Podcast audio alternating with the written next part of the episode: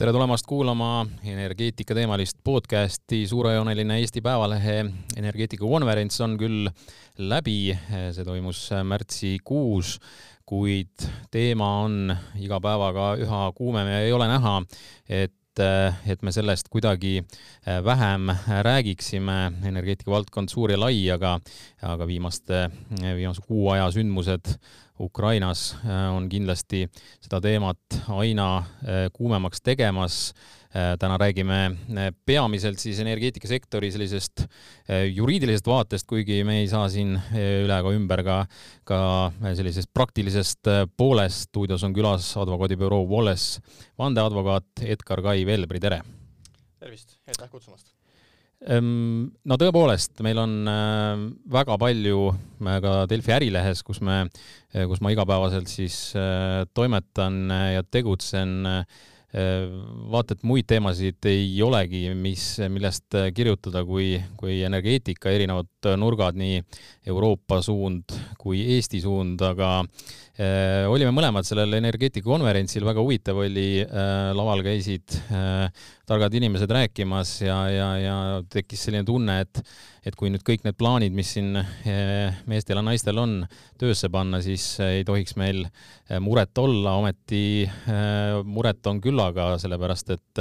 ka sealt lavalt jäi ikkagi äh, Äh, üht koma teist sellist hinge, mis, millest tahaks just ka siin selles saates rääkida. investeerimiskindlus oli üks selline teema, mis äh, jäi äh, kõrvu ja, ja just see, et, et kuidas riik saaks Äh, ja peaks taastuvenergia investeeringuid toetama.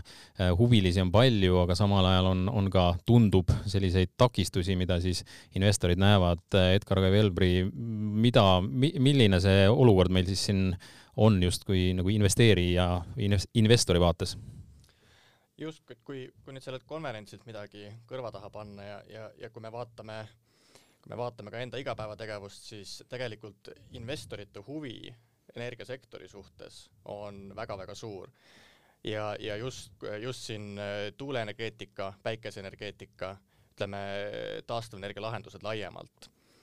nüüd äh, eks, eks ajalooliselt Eestis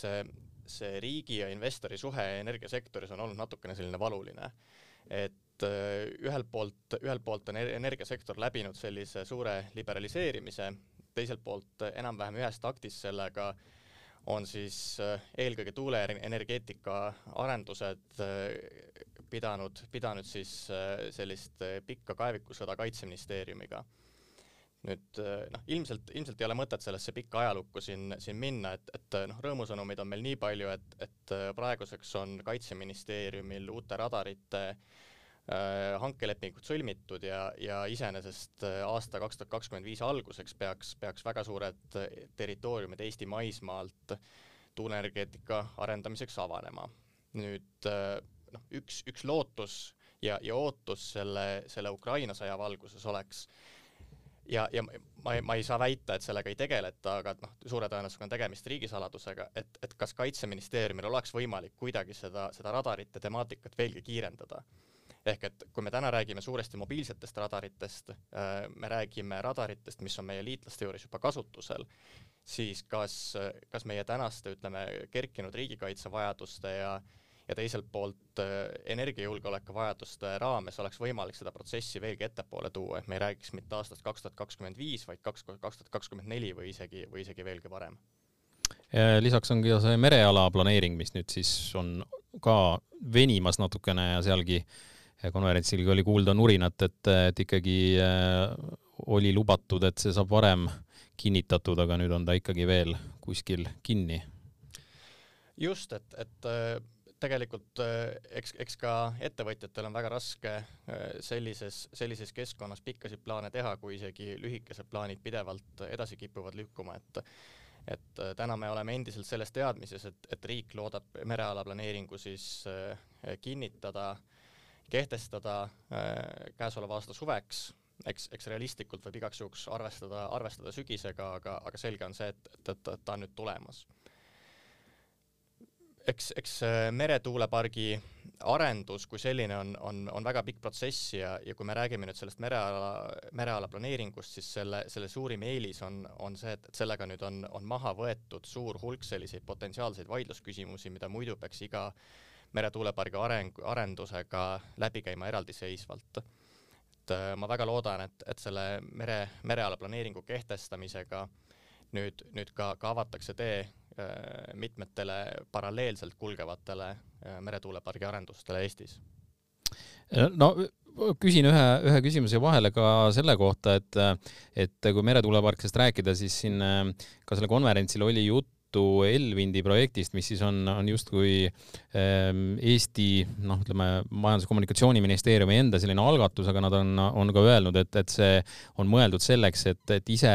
selline keeruline protseduur läbida ja siis ikkagi anda see, see koht äh, ja reaalselt äh, kellegi teise arendada, et, et on see, on see nagu mõistlik lahendus, tundub see midagi sellist, mis, mis on nii-öelda kindla peale minek, et, et riik ise siis kuidagi noh, endale vast ei hakka kaikaid kodaratesse heitma või mida sellest arvata? ütleme, siin, siin nüüd tekib natukene vastuolu sellise kahe äh, meretuule äh, arendamise sellise lähenemise vahel. et, et äh, Eesti on seni lähtunud sellest, et merealad on, on avatud kõigile ja, ja teatud merealal esimene huviline saab selle ala endale äh, siis hoonestusloa menetlusega nii-öelda ära broneerida. seejärel hakatakse läbi viima keskkonnamõjude hindamisi ja, ja toimub siis kogu see edasine arendusprotsess. Nüüd mitmed teised riigid on võtnud selle lähenemise näiteks konkreetselt äh, siitsamast lähedalt Leedust on meil näide, kus, kus riik siis loodab arendada äh, ühe meretuuleala piisavalt kaugele valmis et see on nii-öelda ready to build, äh, sellel on olemas äh, siis kõik vajalikud load, liitumised, keskkonnauuringud ja, ja seejärel, kui see protsess on selles staadiumis, siis panna see enampakkumisele. Äh, ka, ka Euroopas tegelikult on, on emba-kumba varianti kasutatud ja, ja Holland, kes on üks, üks selline Euroopa meretuule eestvedajaid olnud Äh, kasutas siis algselt sellist hästi liberaalset Eesti lähenemist ja mingi hetk, kui, kui avastati, et, et äh, arendajad võistlevad äh, väga hoogsalt samade merealade peale, selliselt, et keskkonnauuringute laevad vaata et sõidavad teineteisele otsa, siis, siis otsustati üle minna sellele noh, nii-öelda siis kirjeldatud Leedu mudelile. ja see nüüd see, nüüd see Elwindi projekt on, on sisuliselt see Leedu mudel. küll aga tasub silmas pidada, et see, see mudelite vahel üleminek ei ole üleliia lihtne seetõttu, et, et äh, ka Elwind, mida siis Eesti poolelt äh, aja, ütleme, arendab äh, nii-öelda Elering, et, et ka nemad ei saa iseenda projektile või, või Eesti riigi projektile pakkuda liitumist põhivõrguga eelistingimustel. ehk et kui me räägime, et, et meretuuleparkide suurim kitsaskoht Eestis tõenäoliselt järgmise kümne-viieteistkümne aasta jooksul on, on põhivõrgu võimekus neid tohutuid uusi tootmisüksuseid ära mahutada siis äh, on, on hetkel keeruline näha, et, et kuidas, kuidas on võimalik sellele Elwindi projektile pakkuda nagu see lisandväärtus, et investoril oleks garantii, et, et see liitumine, liitumisleping on sellel Elwindil olemas. Jaa, no me tuleme bürokraatia juurde tagasi natuke hiljem veel ja, ja, ja selle investeerimise äh, poole peale, aga, aga pöörame korraks äh, pilgu ka nagu omavalitsuse tasandile, et mulle väga meeldis seal Äh, sellel konverentsil küll oli ta äh, siis nii-öelda ekspertide paneeli liige, kes, kes selle idee välja käis ja see ei ole mitte uus idee, aga, aga siiski päris, päris hea idee minu arust, et omavalitsustel, ähm, kui nad juhtuvad äh, olema näiteks oma territooriumil oleva niisuguse eh, taastuvenergia eh, lahenduse või, või kas siis tuulepargi või noh, päikeseparkide vastu üldiselt vist eh, väga ei olda, aga, aga jah, et näiteks tuulepargi vastu, et siis neil peaks olema selgelt ka oma arengukavas või, või dokumentides ära märgitud, et kust nad siis seda energiat saama hakkavad. ehk siis, et mitte lihtsalt öelda, et ärge siia tehke, meie ei taha, vaid, vaid selgelt ütlema ka ära, et, et aga, aga noh, naabervallas on juba üks suur projekt ja meie, meie nii-öelda elekter hakkabki sealt tulema, et, et kuidas see kohaliku omavalitsuse vaade peaks siin olema, kuidas see muutunud on, kas omavalitsused saavad aru, et me oleme, oleme nagu ikkagi päris palju uues olukorras ka siin tänu sellele äh, sõjategevusele, mis Ukrainas toimub? ütleme nüüd, nüüd selle sõjategevuse vahetu mõju hindamiseks on, on täna veel natukene vara, et, et need loamenetluste protsessid on piisavalt pikad ja ja, ja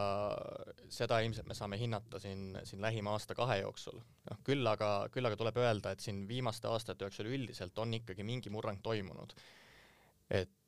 ühelt poolt, ühelt poolt on kindlasti haldusreform aidanud kaasa sellele, et, et kohalikud omavalitsused on suuremad, neil on parem hald-, haldussuutlikkus teiselt poolt on, on äh, ministeeriumite poolt siis toimunud tegevus selleks, et, et äh, energiatootmise alad oleksid kohalike omavalitsuste üldplaneeringutes kajastatud ja, ja kui me räägime äh, nüüd taaskord sellest, sellest haldusreformist, mille järel tegelikult sisuliselt suuremal osal Eesti kohalikest omavalitsust tekkis vajadus võtta vastu uus üldplaneering, siis, siis tekkis ühelt poolt nii see, nii see õige hetk nende küsimuste peale mõelda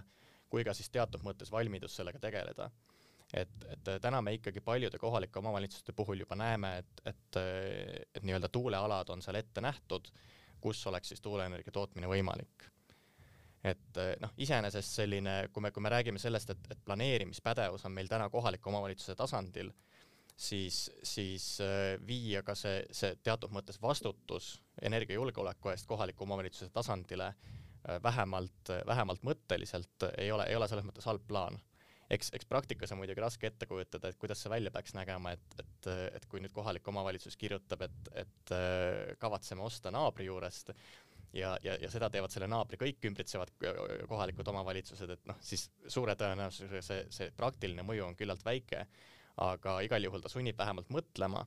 ja, ja eks teoorias võime ju loota, et ta annab, ta annab ka võimaluse siis kohalikele äh, keskkonnaliitudele, keskkonnaaktivistidele seda planeeringut vaidlustada, kui see, kui see selgitus ei ole usutav. no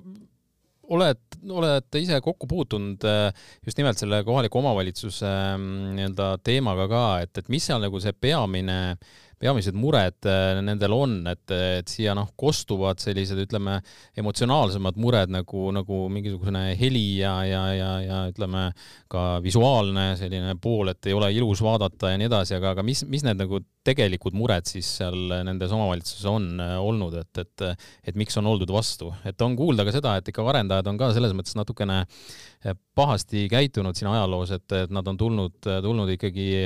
noh, kohalike äh, juurde noh, enam-vähem ütlema, et, et leppige sellega, et me siia teeme, ilma et nad oleks enne, enne teinud eeltööd, et, et, et see on ka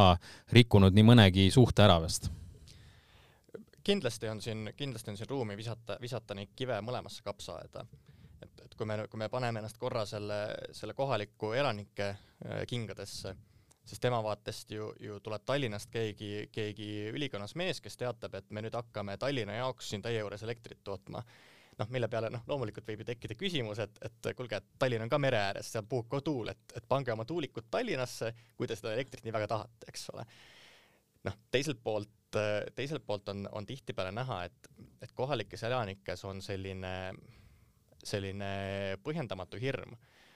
erinevate, erinevate arenduste, sealhulgas eelkõige tuuleenergia suhtes. et me just hiljuti nägime, nägime ühes kohalikus omavalitsuses olukorda, kus, kus kohalikud elanikud vaidlustasid planeeringu algatamise otsust seetõttu, et selles ei olnud käsitletud noh, küsimusi A, B ja C ja, ja noh, tegelikult ju Eesti õiguskorras see planeeringu menetlus ongi just nimelt selleks ette nähtud, et küsimusi A, B ja C käsitleda, vajadusel neid lahendusi täpsustada, tõsta neid tuulikuid ühte teise kohta ümber, neid joondada, neid madalamaks muuta, neid vähemaks muuta, viia läbi tuule siis mürauuringuid, viia läbi helkimisuuringuid ja nii edasi. et, et äh, selles mõttes võib kindlasti öelda, et, et hirmul on suured silmad ja ja mis, mis, mis puudutab näiteks nüüd meretuuleparke, siis ühel, ühel hiljutisel üritusel äh, Hollandi näitel soovitati Äh, osta kohalikele, äh, kohalikele siis elanikele arendaja kulul lennupiletid äh, Hollandi või Taani meretuuleparkide äärde, selleks, minna oma kõrvaga kuulama ja oma, oma silmaga vaatama, et milline see mõju siis täpselt on. et, et noh, kindlasti, kindlasti neid erinevaid innovatiivseid ja vähem innovatiivseid lahendusi on, et, et noh, eelkõige tasuks vältida ilmselt sellist, sellist suurt vastandumist, sellepärast sellisel juhul äh, sellisel juhul ei, ei veena nagu seda vast-, vastaspoolt enam, enam ühegi argumendiga ega isegi sellise koha peale viimisega ümber, et, et sellisel juhul peab selle asja tõenäoliselt lõpuks lahendama kohus, et noh, mis ei ole kindlasti kummagi poole huvides.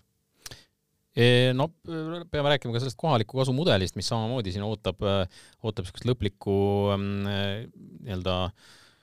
täppi i peale, ehk siis et, et ma isegi ei ole kursis, kui, kui kaugel või kui lõplik see, see praegune see plaan siis on, et, et mida, mida on võimalik pakkuda kohalikele, seal konverentsil oli ka juttu seda, et tegelikult suured arendajad on, on vaata et noh, pakuvadki rohkem äh, kui, kui tegelikult seesama kohaliku kasu mudel äh, võiks siis äh, kohalikele tagada, ehk siis et, et on oldud heldemad ähm, oma plaanides, aga, aga mida siin üldse nagu selles mõttes seal noh, räägiti sellest, et, et võiks pakkuda a la tasuta sealtsamast siis, et sa ei ütle mitte seda, et oleme Tallinnast ja, ja tahame siit hakata elektrit tootma, vaid sa pakud ka kohalikele seda ja, ja, ja noh, lisaks siis kõik see, et, et nii rahalised, rahalised seal meetmed ja, ja kohalikul omavalitsusele ka raha, et, et nad omakorda saaksid eh, midagi kohalikus elus paremaks teha, et, et mida me sellest kohaliku tasu mudelist peaksime arvama ja, ja mida seal siis teha saab. Eks see, eks see kohaliku kasu mudel on muidugi kontseptsioonina natukene kummaline, arvestades, et noh, et kui, kui keegi nüüd tahab, tahab rajada piirkonda asfaltitehase või, või, või õlletehase või, või noh, ükskõik millise, millise äh, siis tootmisüksuse, mis, mis võib potentsiaalselt tekitada mingit müra või mingit vibratsiooni või mingit lõhna, mis jääb küll seaduses sätestatud normide piiresse, aga noh, on printsiibis võib olla mingitel tingimustel häiriv. et, et siis me ei eelda, eks ole, et, et keegi annaks kohalikele elanikele nii palju kui vaja õlut või, või, või nii palju kui vaja, vaja asfaltit, eks ole, et noh, samas samas me räägime, me räägime sellest, et, et, et tuleks maksta nii rahaliselt või anda tasuta elektrit või, või anda, anda osalus projektidest, eks ole, et neid, neid, neid mõtteid on siin olnud erinevaid. aga, aga eks, eks praktikas on ta, on ta sellise vastuseisu ületamise äh, meetodina selles suunas liikunud tõepoolest, et, et järjest rohkem on selliseid kokkuleppeid vabatahtlikult. siin tuleb küll ka väga, väga ettevaatlik olla ettevõtja poolelt et kui ettevõtja läheb nüüd äh, kohalikule omavalitsusele pakkuma kohalikku, kohalikku kasu, et noh, et ma maksan teile planeeringu eest äh, kümme tuhat eurot aastas, et siin, siin tuleb vaadata, et ei ületata sellist äh, kriminogeense tegevuse piire. aga, aga ühe sellise noh, emotsionaalse pakkumisena, millel on ka väga selge rahaline väärtus, ütleme, noh, ma, ma, ma ise näen ja ma ise tunnetan, et kui minul oleks vastuseis naabrusse kerkiva tuulepargi suhtes, et kui see pakkumine oleks mitte rahas, vaid see pakkumine oleks mingis ütleme, mõistlikus äh, kodumajapidamise koguses äh, elekter, tasuta elekter aastas kuni, kuni tuulepargi tegevuse lõpuni. et see võiks kindlasti olla, olla argument, mis, mis nagu toimib ja mis, mis, mis emotsionaalselt on, on seotud sellesama tootmisüksusega mul tekkis kohe siin küsimus, selline juriidiline küsimus, et, et kui oli, oli juttu sellest õlletehasest ja sellest näitest, et kas siis A äh, nii-öelda noh, tõenäoliselt nagu takkajärgi seda teha ei anna, aga, aga et kui see nüüd kohaliku kasu mudel niimoodi tuua välja, et siis edaspidi noh, miks mitte tõepoolest, kui kuskile mingit tehast looma hakatakse, siis inimesed hakkavad, tulevad selle kaardiga välja ka mingite muude projektide juhul, et et võib see oht olla või, või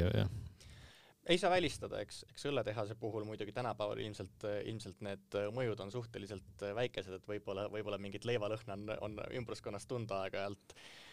aga, aga ütleme näiteks siin karjääride ja, ja muu sellise puhul on, on mõjud kindlasti suuremad. Ja noh, samamoodi kui me räägime, kui me räägime ehitustegevusest, siis suuremate kinnisvaraarenduste ehitus võib kesta aasta-kaks, sellest juba ainuüksi, ainuüksi selle nii-öelda maa sisse augu rajamine võib võtta enam kui aasta et, et sellelgi on väga märkimisväärne keskkonnamõju ümbritsevate elanike jaoks, noh, müra ja kõik muu. et noh, ometigi seal me, seal me näiteks sellisest äh, kohaliku kasu mudelist ei räägi, et mm. -hmm. nojah, et äh, noh, see kohalike vastuseis jah, on, on selles mõttes äh, olnud, olnud nagu huvitav teema ja see mitte minu tagahoovi äh, tõenäoliselt, ähm, tõenäoliselt me näeme seda ka edaspidi ja alati on neid, kes, kes, äh, kes jäävadki ikkagi oma seda trummi taguma ja, ja tegelikult ka meretuuleparkide puhul on ju, on ju sama näha, et, et ehkki seal, seal on, on jah, noh, muidugi seal on, seal on see veest, kõik, kõik see, mis vees toimub, see on, see on siis mure, murekohaks, et, et kuidas kalad kogu selle asja üle elavad. aga pööraks nüüd teema veel kord sellise bürokraatia poole peale. selge on see, et, et need ehm, loa menetluse protsessid on, on pikad ja nad peavadki pikad olema ja seal on vaja väga palju uurida ja, ja selgeks teha enne, kui projektiga saab pihta hakata, noh, juttu on olnud sellest, et nüüd jah, tõesti Kaitseministeerium äh, oma piiranguid oluliselt äh, leevendab ja maha võtab, aga, aga mis äh, noh, on, on seal kuskil veel selle, selles kogu selles protsessis neid kohti, mida tegelikult annaks oluliselt efektiivsemaks teha ja olukorras, kus me ikkagi energiajulgeolekust räägime, siis, siis peakski tegema? Eks, eks ikka on, aga, aga eks nagu iga menetluse puhul on, on ka need loamenetlused natukene selline ühiskonna, ühiskondliku kokkuleppe koht, et, et mida rohkem me neid lihtsustame, seda, seda rohkem me jätame sisse teatud määral selliseid, selliseid riskikohti, et, et mingid asjad, mis jäävad käsitlemata, mingid arvamused, mis jäävad kuulamata või mingid, mingid ütleme, uurimused, mis jäävad tegemata. mida, mida nüüd saab teha, on, on, on see, et me peame arvestama, et mitte ainult Äh, ei ole, ei ole see, see menetlusele kuluv aeg äh, selline, ütleme, paratamatus, vaid et tegelikult ju kohaliku omavalitsuse võimekus neid, neid asju menetleda on selles mõttes piiratud ressurss. Ja, ja kui me räägime tänasest äh, energiajulgeoleku ja energiakriisist ja, ja samal ajal roheenergiale üleminekust, siis, siis selge on see, et neid projekte tuleb ja saab tulema lähima viie, viie kuni kümne aasta jooksul meeletuskoguses et üks asi, mida, mida minu arvates kindlasti võiks kaaluda, on see, et anda nendes loamenetlustes menetlusprioriteet energeetikasega seotud siis äh, projektidele. seda nii, nii siis tootmisüksuste puhul, nii, nii võrgutugevdustööde puhul kui ka, kui ka siin ütleme salvestus ja, ja, ja, ja muud sellised, muud sellised projektid, et et see kindlasti aitaks väärtuslikku aega nendelt, nendelt loamenetlustelt maha lihvida mm. -hmm Mm, jah, see on, see on väga õige. Äh, Voles on ka Lätis, Leedus tugev tegija äh, ja, ja Leedust siin oli, oli juba juttu põgusalt, aga mis, milline olukord neis kahes riigis on, et siin Enefit Green ikkagi ka räägib, räägib sellest, et nad toimetavad väljas päris, päris palju, teevad seal tuuleparke, et on seal, on seal olukord meiega võrreldes kuidagi parem Äh, on nad, on nad omadega kuskil kaugemal või, või, või väga vahet ei olegi, et oleme suht samas seisus? No ütleme, sellise elektrituru mõttes me oleme üks võrgupiirkond, et, et nüüd, kui, kui kolmas Eesti-Läti ühendus valmis sai, siis siis äh, tegelikult on, on Eesti, Läti, Leedu vahel piisavalt palju äh, rahvusvahelist ülekandevõimsust, et, et kui, kui ühes kohas on elektrit puudu, siis, siis saab seda teisest kohast sinna eksportida. nüüd küll aga peab arvestama, et, et kogu selle piirkonna sellist äh, elektrituru dünaamikat on, on päris omajagu viimasel ajal mõjutanud äh, Leedu selline väga selge välispoliitiline kurss. et äh, viimaste aastate, viimaste aastate jooksul on, on Leedu võtnud välispoliitiliselt selline Balti riikide selge, selge liidrirolli, on olnud siin, siin nii sõnasõjas Hiinaga Taiwan'i teemadel, aga, aga on, on, on siis võtnud väga selge äh, seisukoha ka, ka Valgevenelt ja Venemaalt elektri ostmise suhtes. ehk et kuna, kuna Valgevenesse küllaltki Leedu piiri lähedale, mis tähendab, et küllaltki Vilniuse lähedale, rajati värskelt uus tuumaelektrijaam, mis, mis on väga sarnase disainiga kurikuulsa äh, Tšernobõli jaamaga, siis, siis leedukad teatasid, et nemad loobuvad äh, täielikult sealt elektrienergia importimisest. kuna samal ajal Leedu enda energiatootmis- või elektritootmisvõimekus on küllalt madal, siis siis see tekitas natuke sellise sellise puudujäägi ütleme Leedus ja, ja, ja noh, Läti on klassikaliselt samuti olnud elektrienergia importija. ja, ja kui me nüüd vaatame, kui me nüüd vaatame, mis seal nii-öelda turgudel laiemalt toimub, siis, siis jah, vastab tõele, et, et üldiselt äh, on Lätis-Leedus tuuleenergia äh, arendamine tuuleparkide ehitamine viimastel aastatel kujunenud või, või, või, või kulgenud sujuvamalt kui Eestis. kusjuures äh, neist kahest Läti on klassikaliselt olnud sellises äh, tagaajaja rollis, kus, kus väga suuri tuuleparke ei ole kunagi olnud. nüüd sinna, nüüd sinna neid riburada pidi rajatakse ja, ja ühe, ühe olulise asjaoluna võib siin, võib siin esile tuua äh, just selle, et, et Eesti Energia hiljuti soetas äh, siis äh, elektri otsemüügilepinguga suure osa selle ühe, ühe nüüd lee-, vabandust, ühe Läti uh, uue seni suurima siis tuulepargi toodangust et, et see on nüüd see, mis andis siis sellele arendajale märkimisväärselt kindlust sellega, et sisuliselt see arendaja fikseeris ära oma elektri müügihinna tuleviku vaates. ja, ja nüüd need sellised elektri otsemüügilepingud või, või nagu inglise keeles öeldakse PPA-d ehk siis Power Purchase Agreement'id on, on kindlasti need, mis, mis sellist arendajakindlust ja, ja investeerimiskindlust lähiaastatel hakkavad siin kogu, kogu piirkonnas suurendama. Jah, sellest, see on täitsa omaette teema tõesti, need otselepingud, et, et küll on kuulda ka seda, et, et et noh, lihtsalt see piirkond on nii, nii väike, et, et siin noh, ei ole võimalik liiga palju neid nagu tõesti nagu, kui me räägime suurtest projektidest, kus sul on vaja ikkagi selleks, et tõesti nende lepingute najal see projekt teha, on vaja, vaja suuri tegijaid, et, et siis ongi siin, et noh, ütleme piltlikult öeldes võib juhtuda, et, et, et siia rajatakse küll mingisugune, ütleme, kas siis tuulepark või, või, või mis iganes muu äh, selline noh, tuumajaam või, või mingisugune vesiniklahendus või mis iganes. Ja, ja tegelikult see elektrienergia müüakse täies mahus kuskile, ma ei tea, Taani või, või Norra või kuskile ära, et ta on füüsiliselt siin, aga tegelikult nagu üldises äh, sellises turu kontekstis ta ei, ei, ei tähenda nii-öelda elektri hinnale tavatarbijale nagu midagi, et et see on, see on omaette teema tõesti, et, et, et, et mida me, mida me siin selles osas veel teadma peaksime üldse, et, et see on, see on selline ikkagi väike turg, see Baltikum siin, et selles mõttes, kes ees, see mees ja, ja, ja, ja, ja noh, sellepärast me ka siin magada väga ei tohi, et muidu lätlased, leedulased teevad, teevad asjad ära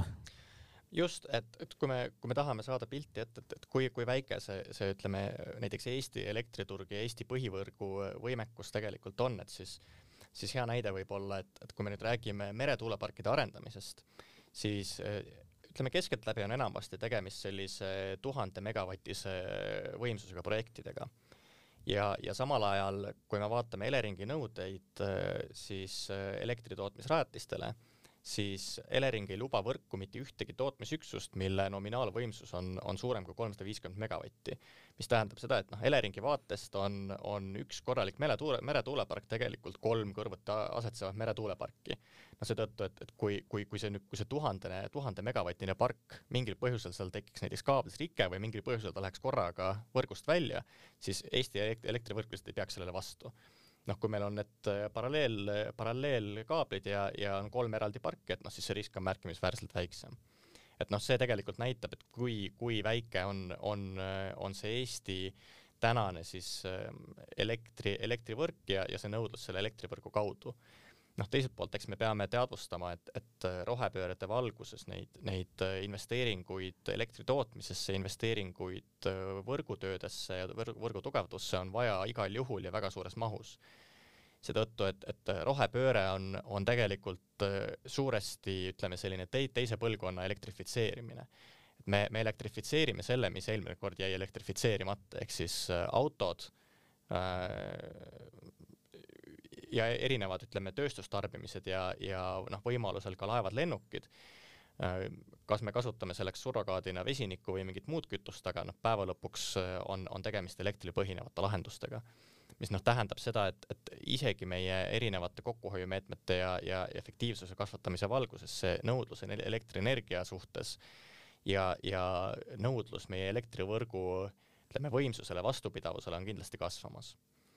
Aga, aga rääkides siin, rääkides siin elektrienergia, ütleme, ekspordist ja sellist rahvusvahelisest turust, siis, siis selge on see, et, et üle ühe meretuulepargi mm, Eesti vetesse siseriikliku nõudluse rahuldamiseks kindlasti ei mahu. et, et kui me, kui me, kui me räägime siin äh, meretuuleparkidest võimsusega tuhat megavatti tükk, siis, siis äh, see on ikkagi suuresti, on, on, on tegemist ekspordiprojektidega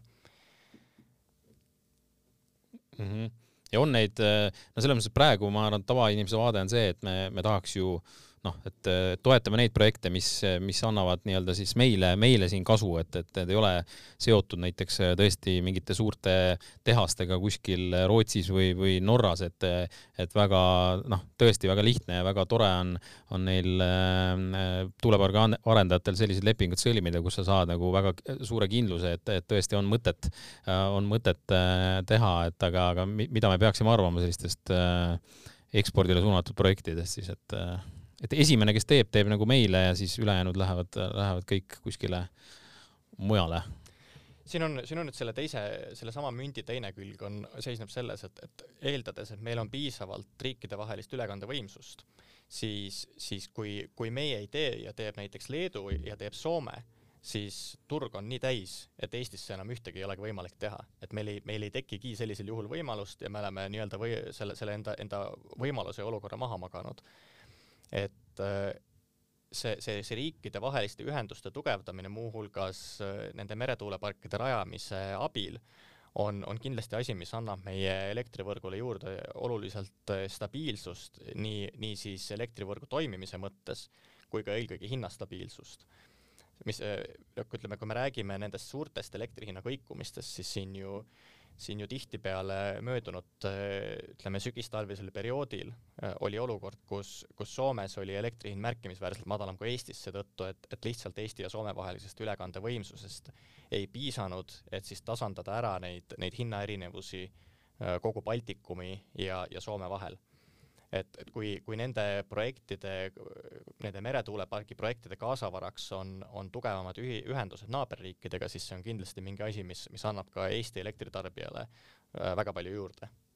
Selge see, äh, puudutame korraks ka ühte suurt teemat, mille me nüüd avame siin, aga, aga äh, kui me energiajulgeolekust räägime, liigume korraks ida poole ja, ja Venemaa suunas ja seda, et me üha enam siin, eriti pärast neid viimaseid ähm, sündmusi mille, mille kohta siis meedias on, on väga palju selliseid pilte, mida, mida paljud ei, ei tahaks näha, aga, aga peavad nägema selleks, et aru saada tegelikult, mis seal Ukrainas on toimunud. Äh, väga kõvahäälselt on ikkagi räägitud sellest, et me peaksime gaasitarned Venemaaga äh, katkestama, tegelikult Leedu on selle juba, juba teinud, öelnud, lubanud, et nad alates esimesest aprillist ei, ei osta tilkagi Vene gaasi ja, ja saavad LNG-ga hakkama Äh, esimese Euroopa riigina, siis selline otsus nende, nende, poolt tuli, aga tegelikult noh, väga suured tegijad on päris suures hädas, ei ole seal nendel nii lihtne see otsus äh, vastu võtta. mida me siin võiksime öelda, et, et, et põhimõtteliselt äh, Äh, noh, iseenesest on, on loogiline, et, et selline emotsionaalne, äh, emotsionaalne selline lähenemine oleks, et, et kohe päevapealt, aga mis, mis see tegelikkus on, mis, mis see, milline see nagu praktiline pool seal on? noh, lisaks see, et Venemaa nõuab, eks ole, rublades maksmist, mis, mis tegelikult noh, tuleb siin ka veel mängu, eks ole, aga no kui me nüüd räägime sellest Leedu hiljutisest otsusest, siis, siis äh, see on minu arvates rohkem, rohkem selline poliitiline toetusavaldus Ukrainale kui midagi muud. seetõttu, et, et Eesti, Läti, Leedu ja Soome on, on äh, gaasituru mõttes äh, samamoodi siis, siis ühtne, ühtne piirkond, mis on siis gaasiturudega omavahel ühendatud. Leedus on lisaks ka ütleme, meie piirkonna ainus suurem LNG terminal Soomes on küll, küll ka üks, üks LNG terminal ja sügisel valmib üks veel, aga, aga need on ka kahe peale kokku umbes kolm korda väiksemad kui, kui siis see, kui siis see Leedu terminal. nüüd, kui, kui sellises olukorras Leedu teatab, et nemad Vene gaasi rohkem ei osta, siis see tähendab sisuliselt seda, et, et seni Leedu, Leedu kaudu meie piirkonda tulnud LNG tarnetest äh, läheb senisest suurem osa Leetu ja senisest väiksem osa äh, Lätti, Eestisse, Soome mis noh, teistpidi, eks ole, tähendab seda, et, et Eesti, Läti ja Soome peavad senisest rohkem ostma Vene gaasi. kui Läti ja Eesti teatavad täpselt samamoodi, et nemad enam Vene gaasi ei osta, siis see tähendab seda, et, et äh, siin peab nüüd üle, üle arvutama, et, et kas me peame hakkama Soomelt ka Vene gaasi importima või, või me jätame Soome LNG mõttes lihtsalt, lihtsalt tula peale, aga, aga emba-kumba pidi see, see meie, meie võrgupiirkonna tegelikku dünaamikat ei muuda. et seda LNG-d tuleb ikka täpselt sama palju ja ülejäänu peab endiselt kompenseerima siis, siis Vene gaas. nüüd kui me räägime sellest, sellest Vene gaasist vabanemisest, siis siin ongi ilmselt kõige olulisem küsimus see, et, et, et eesmärk ei ole lihtsalt suunata neid, neid ütleme, meie tarneid mingile teisele tootjale selliselt, et samal ajal Venemaa saaks siis hakata enda gaasi müüma kellelegi kolmandale. et esimese, esimene küsimus, ma arvan, mis meil, mis meil Eestis peaks olema, on see, et, et kui palju meil tegelikult seda gaasi üleüldse vaja on. ehk et, et kui me räägime näiteks äh, keskküttelahendustest, siis, siis Tallinna näitel ja, ja Tallinn ei ole kindlasti selles mõttes ainus, ainus selline võrgupiirkond, Tallinna näitel juba, juba oluliselt enne Ukraina sõda tekkis küsimus, et, et, et kas see on õige ja õiglane, et, et mõnes küttepiirkonnas, kus on siis gaasi, gaasikatlad, maksavad tarbijad soojusenergia eest oluliselt rohkem kui teistes piirkondades, kus on siis puiduhakkel põhinevad katlad. ja, ja tegelikult see on, see on küsimus, mis on suhteliselt kiiresti lahendav, lahendatav, katlamajade ehitamine kui selline ei, ei võta nii meeletult kaua aega, kui võtavad väga palju muud energeetika valdkonna projektid küll aga siin, siin võib olla nüüd koht, kus on, kus on vaja, ütleme, riiklikku sekkumist nii regulatsiooni muutmise osas, et, et, et see nii-öelda tootja ei peaks asendamiseks hakkama tegema konkurssi, kui ka siis, kui ka siis nagu toetuste, ütleme, asendamistoetuste mõttes selles tähenduses, et kui, kui täna on olemas näiteks viis aastat tagasi paigaldatud gaasikatlad katlamajal, et siis kindlasti ei ole nende eluiga veel lõpukorral ja, ja ütleme, turu, turutingimuste ja turuloogika järgi nende, nende asendamise hetk ei ole veel käes noh, samamoodi, samamoodi on küsimus selles, et, et äh, kas, kas üldse võimaldada keskküttepiirkonnas äh, gaasikateldega uusi ehitisi rajada. ja, ja neid, neid gaasitarbimise vähendamise kohti on meil kindlasti veel teisigi. noh, tööstuses on meil paratamatult teda vaja, päris nulli me teda ei saa mm. -hmm. noh, nüüd teine küsimus on, et kus me seda gaasi saame. üks asi on, üks asi on LNG terminal Leedus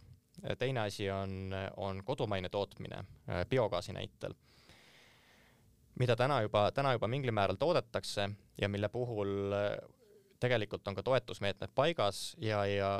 kui, kui nende raames erasektor näeb võimalust seda, seda tootmist kasvatada, et, et siis, siis see võimalus tekib, aga, aga noh, ütleme riigil siin täiendavalt sekkuda on keeruline. ja, ja noh, kolmas küsimus siis ongi selle, selle kodumaise LNG terminali rajamise koht see on, see on äh, piisavalt keeruline küsimus, et, et, et ma, ma ütlen kohe, ma, ma ei, ma ei tahaks olla nende otsustajate rollis, kes peavad täna selle otsuse tegema, sellepärast et, et maksumuse osas on meil, meil käidud välja summad suurusjärgus viissada miljonit eurot.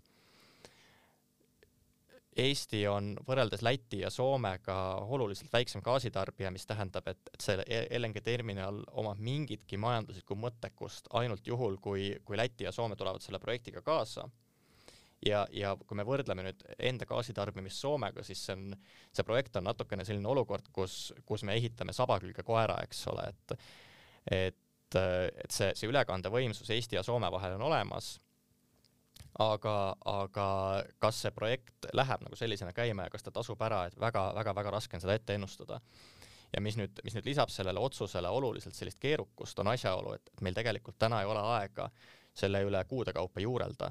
sellepärast et ilmselt, ilmselt mitte, mitte üllatavalt, siis äh, me ei ole ainus Euroopa riik, kes täna kaalub LNG terminali ehitamist, mis tähendab seda, et, et LNG terminalid muutuvad defitsiitseks ja nad muutuvad kalliks. kui me, kui me tahame selle aasta lõpuks midagi püsti saada, siis, siis see otsus tuleb teha ära ülikiirelt ja, ja arvestades, et noh, et, et see, see maksumus on tõesti, see on kaks protsenti SK, Eesti SKP-st, et see on, see on tegelikult väga märkimisväärne summa ja, ja neid, neid riske seal on omajagu, aga, aga mingi otsus selgelt tuleb teha. jah, ja alternatiiv on siis see suur tanker, mis ka väga odav lõbu just ei ole, mis siis ka nagu võiks võiks siin nagu no, lahendus olla? no minu arusaam on, et, et hetkel vist eelkõige ongi räägitud ujuvterminalist, aga ka see vajab ikkagi maapealset infra infrastruktuuri ja, ja ütleme, et, et ka selle püstitamine ei ole, ei ole selline nädalate küsimus, vaid, vaid me siin räägime ikkagi vähemalt, vähemalt kuudest, kui mitte aastast no lõpetuseks küsiks seda, et, et kui nüüd sel aastal teie ise saaksite mingeid samme astuda energeetikas, mis, mis siis äh, mingeid protsesse edasi edasi viiks ja, ja meid viiks selliste lahendusteni, et need on siin natuke niimoodi kõlanud ka, aga mis, mis need oleksid, et või mida, mida te tahaksite kuulda, et, et üks on tõenäoliselt see Kaitseministeeriumi nii-öelda kogu selle protsessi varasemaks toomine, mis siin alguses läbi käis, noh, üldse nagu protsesside ülevaatamine, et, et need oleksid ladusamad, aga, aga mida veel välja tuua, et sellist, mida, mida nüüd tõesti kohe peaks, et need gaasikatelde teema käis ikka läbi, eks ole. no just ja, ja ütleme samamoodi selline, selline loamenetlustes, eks ole, energeetikaprojektidele teatava eelise andmine, et, et nende menetlus oleks prioriteetne, et see on, see on samamoodi mingi asi, mida riik saab siis seadusandliku muudatusega teha. noh, teine küsimus on natukene sellises mõtlemise muutumises, et, et vähemalt, vähemalt lähiaastatel me ilmselt peame võtma selle seisukoha, et, et ener-, ütleme, energeetikasektori riigiettevõtted ei, ei ole, ei ole, ütleme, riigieelarve tuluallikas. et äh, Eesti Energia ja eelkõige Elering äh, vajavad lähiaastatel tohutus koguses äh, kapitali selleks, et teha uusi investeeringuid. ja, ja ütleme, paratamatult täna see, see see võrgu mahutavus on saamas väga-väga kiiresti selliseks oluliseks kitsaskohaks, kui me räägime uutest, uutest energiatootmisvõimekustest. ja noh, ütleme eraldi, eraldi küsimusena, mis kindlasti võib, võib väärida tähelepanu, on, on energiasalvestus. ehk et kui, kui tänane arendamisel olev selline tootmisvõimekus on meil sisuliselt sada protsenti juhitamatu, sõltub siis sellest, kas päike paistab või kas tuul puhub siis, siis äh, kui me, kui me samal ajal paralleelselt ei arenda salvestusvõimekust, siis äh, selle tulemuseks on, on äh, tõenäoliselt väga, väga suures ulatuses kõikuvad elektrihinnad nii, nii päevade vahel kui ka siis päevasiseselt. Aga nendele on ka vaja selliseid garantiisid, eks ole, loomulikult ka samamoodi investorid nende taga, kes soovivad samamoodi juba ette teada, et nende investeering on, on igati nagu mõistlik, et ka sealt kõlavad need pikkade lepingute teemad ja kõik see või et siis riik kuidagi tuleb ja, ja, ja toetab seda omalt poolt sellise, sellise, selliste lahenduste tegemist. vot just jah, et, et eks, eks lõppastmes ka, ka, ka riigi raha ei ole lõputu ja, ja noh, ka siin tuleb mingisuguseid selliseid strateegilisi valikuid teha, et, et selge on see, et, et aastaid on, on energeetikasektoris ütleme, alainvesteeritud, tuginetud nõukogude ajal tehtud suurtele tööstusinvesteeringutele, aga et, et täna me peame selles mõttes jah, jalad kõhu alt välja võtma ja ja need investeeringud ära tegema, sellepärast et ainus alternatiiv on, on selline, mille kulu Eesti majandusele on märkimisväärselt kõrgem. Selge see äh,, nii et võidujooks käib äh, nii ettevõtete vahel kui riikide vahel ja, ja eks me siin äh, hakkame äh, kindlasti kuulama, kuulma väga äh, põnevatest äh, uudistest loodetavasti juba peagi ja, ja loodame tõesti, et, et need projektid Eestis töösse lähevad ja et oleks ka tõesti mõistlikke otsuseid. aitäh, advokaadibüroo Walles vandeadvokaat Edgar Kai Velbri. täname ka kuulajaid ja olge mõnusad. aitäh.